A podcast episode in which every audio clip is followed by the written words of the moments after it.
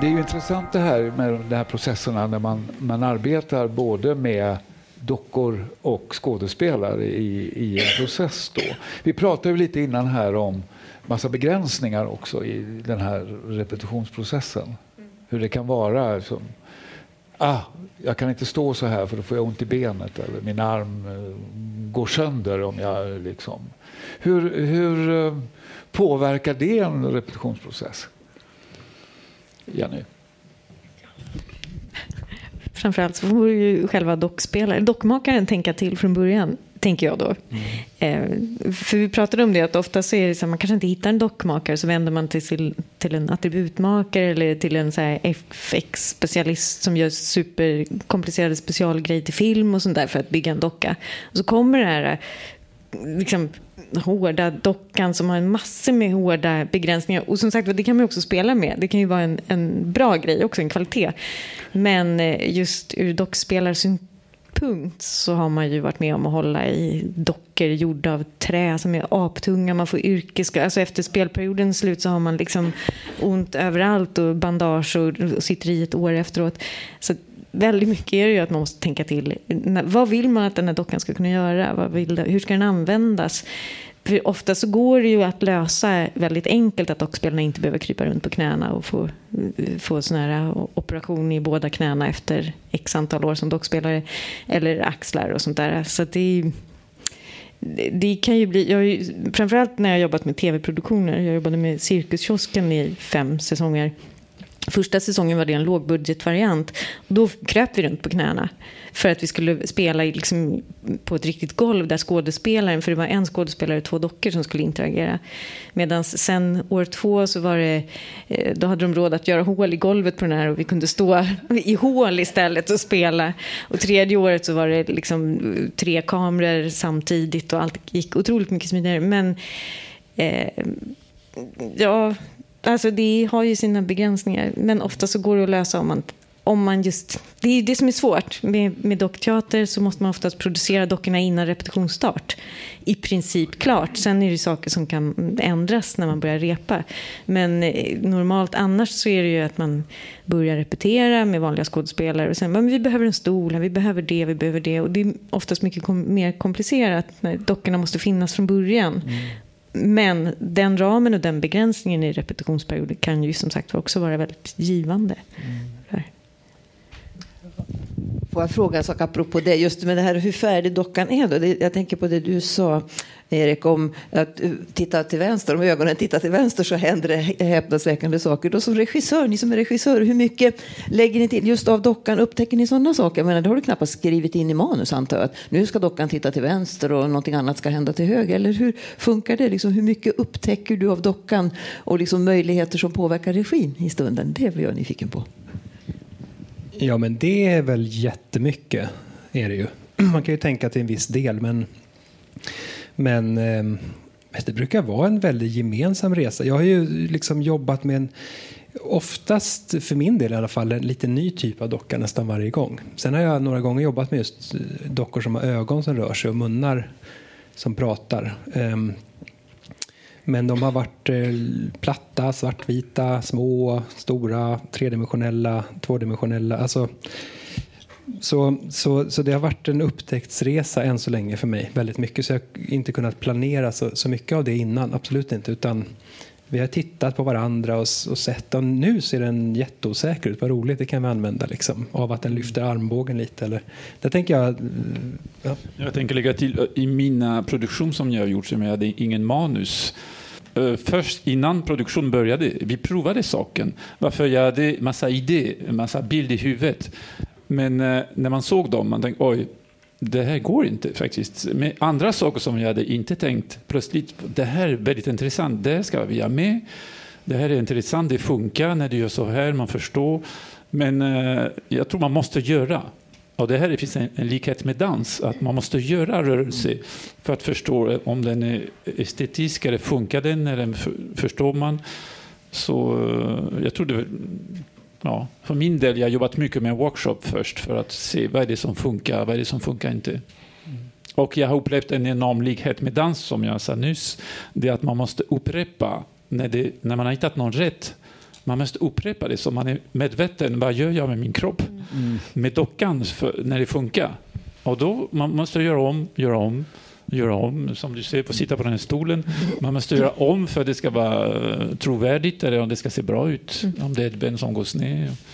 Kroppsminnet helt enkelt. Ja. Men, Alltså det är ju också, jag har kanske ofta haft att det har varit en ensemble på fyra, tre dockspelare och sen så har de olika dockor och olika scener och, och det, det som är fruktansvärt frustrerande det är ju, det är ju liksom det här att, att att eh, man är så upptagen vid sin docka. Alltså det finns ju inte det spontan, det, beror ju på vad man jobbar med för dockor, men ofta i mitt fall så har det ju inte varit så mycket lämnats åt spontanitet liksom, utan om en scen ska verka spontan, det är det svåraste man kan göra för att liksom för, att, för det första så är det ju ofta så att jag tittar och tittar på min docka, att det blir rätt, att allt blir rätt och jag ska prata. Så jag har ingen aning om vad din jävla docka gör. Så om den plötsligt så här vänder sig bort och promenerar bort så bara, jo men du, jag, jag tänkte nämligen på, på det här. Då, då märker inte jag, hela publiken ser att den liksom, det går inte att prata med den nu för den håller på med något annat.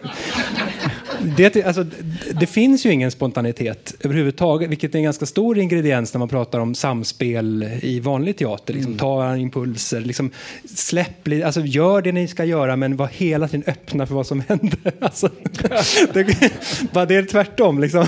Bestäm allt, var inte öppna för något jävla nytt. Liksom, utan, sen är det klart att man kan prata om att det finns inom de där mycket snävare ramarna, så klart att man ska vara helt öppen för saker. Men, men alltså Eh, det är, ju, det, det, är ju en totalt ofri liksom, konstform på det sättet. Det, det, och det är väldigt härligt för att eh, det är så mycket i vår tid som är så här härligt individualism på scen, vad kul. Den, den liksom, oj, ikväll börjar den gråta på riktigt. Och, alltså, vi lever i en sån tid på många sätt. Där, där man, där man, alltså, det så har det varit hela liksom, sedan 1800-talet. Men, men mer och mer skulle jag tro att vi hyllar individen och det som finns påstås finnas inom oss. Liksom.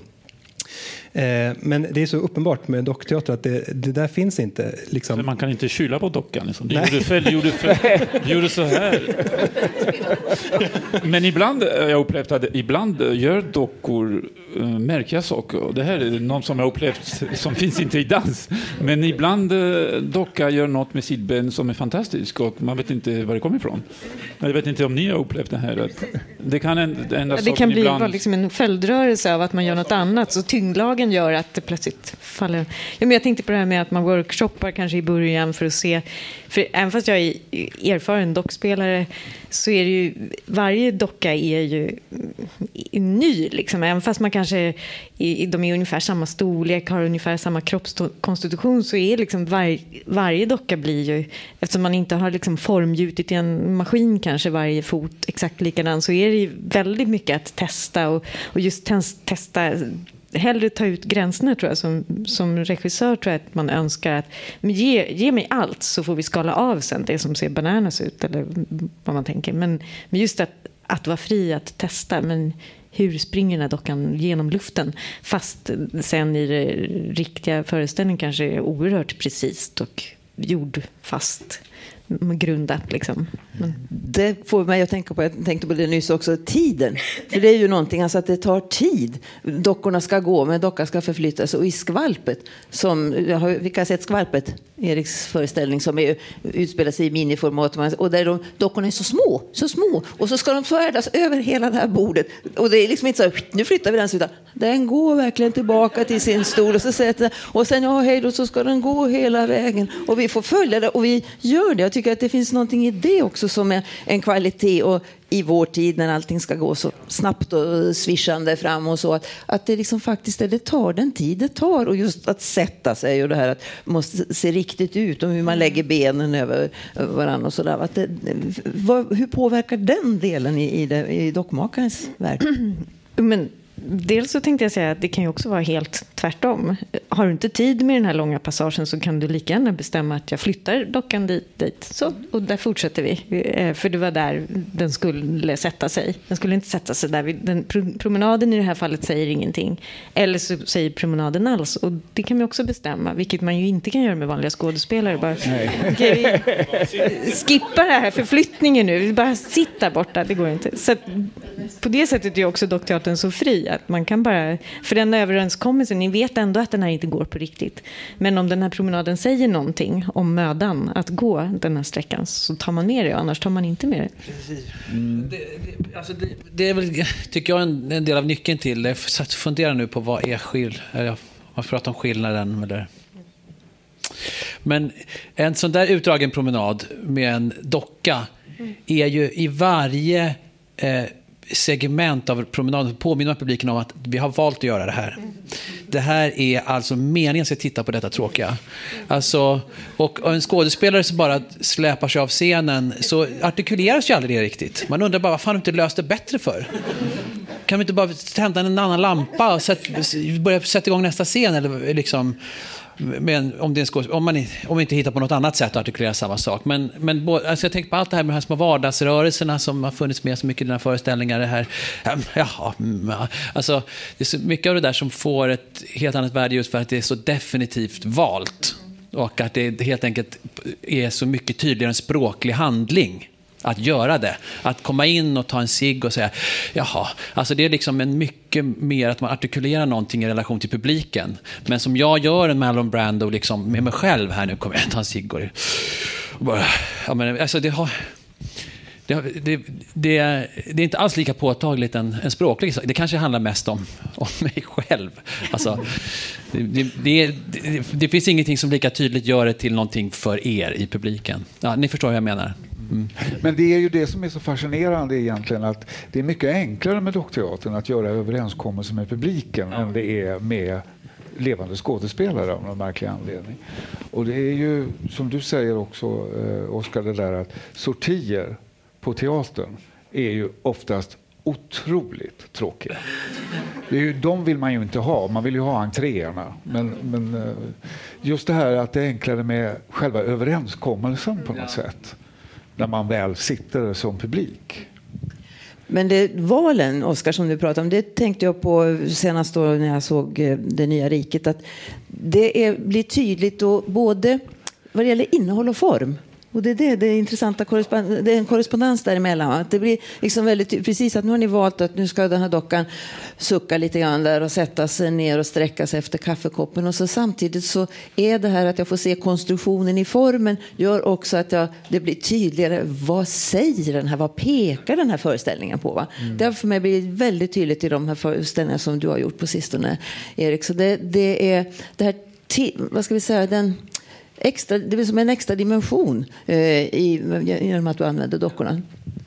Ja, men man, man har möjlighet att, att göra någonting som blir ännu mer alltså, överrealistiskt nästan. Eller liksom en superrealism. Som, till exempel om jag skulle vilja sätta upp en pjäs här tyckte jättefin scenografi, man sätter upp någonting och sen tyckte man så här, jättebra med nödutgångsskylten där i mitten.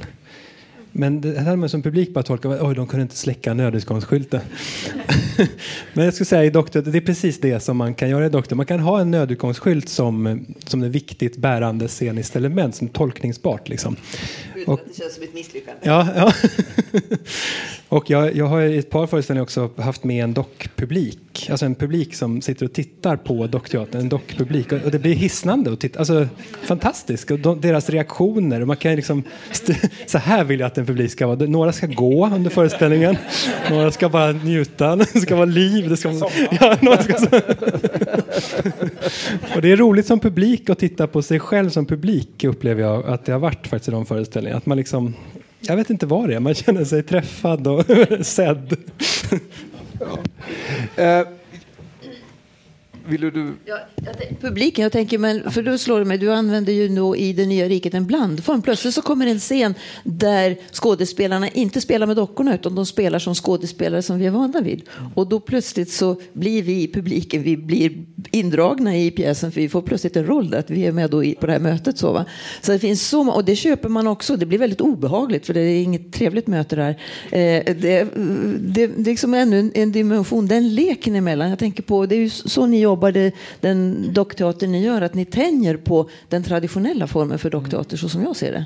Är det en ambition som ni har? Vad säger Oskar om det? Eh, Nej, alltså för mig har ambitionen aldrig varit att göra dockteater överhuvudtaget. Eh, eller att, alltså, för mig, jag har alltid tänkt på det som scenkonst bara. Och vad, behöver vi, vad kräver innehållet? Mm. Eh, men, och sen har jag ju när vi har tagit fram dockor, tagit fram dockor för att vi har tänkt att det här, här kan vi titta på en död kropp på riktigt till exempel. Eller en objektifierad kropp på riktigt. Eh, och det är, det är dockans det är inte en skådespelares kropp som vi sen måste eh, som vi sen måste göra till rollens kropp som sen, alltså det blir en, ja, så det var utifrån innehållets behov hela tiden. Men sen när man har börjat med vissa former så när det, ja, då växer ju nya idéer. Så går man vidare med det. Men jag har aldrig tänkt på det som att jag verkar i en tradition, även om jag såklart gör det. Eller att jag har något relation till den. Utan det var helt, helt och hållet formmässiga och innehållsliga behov för min del.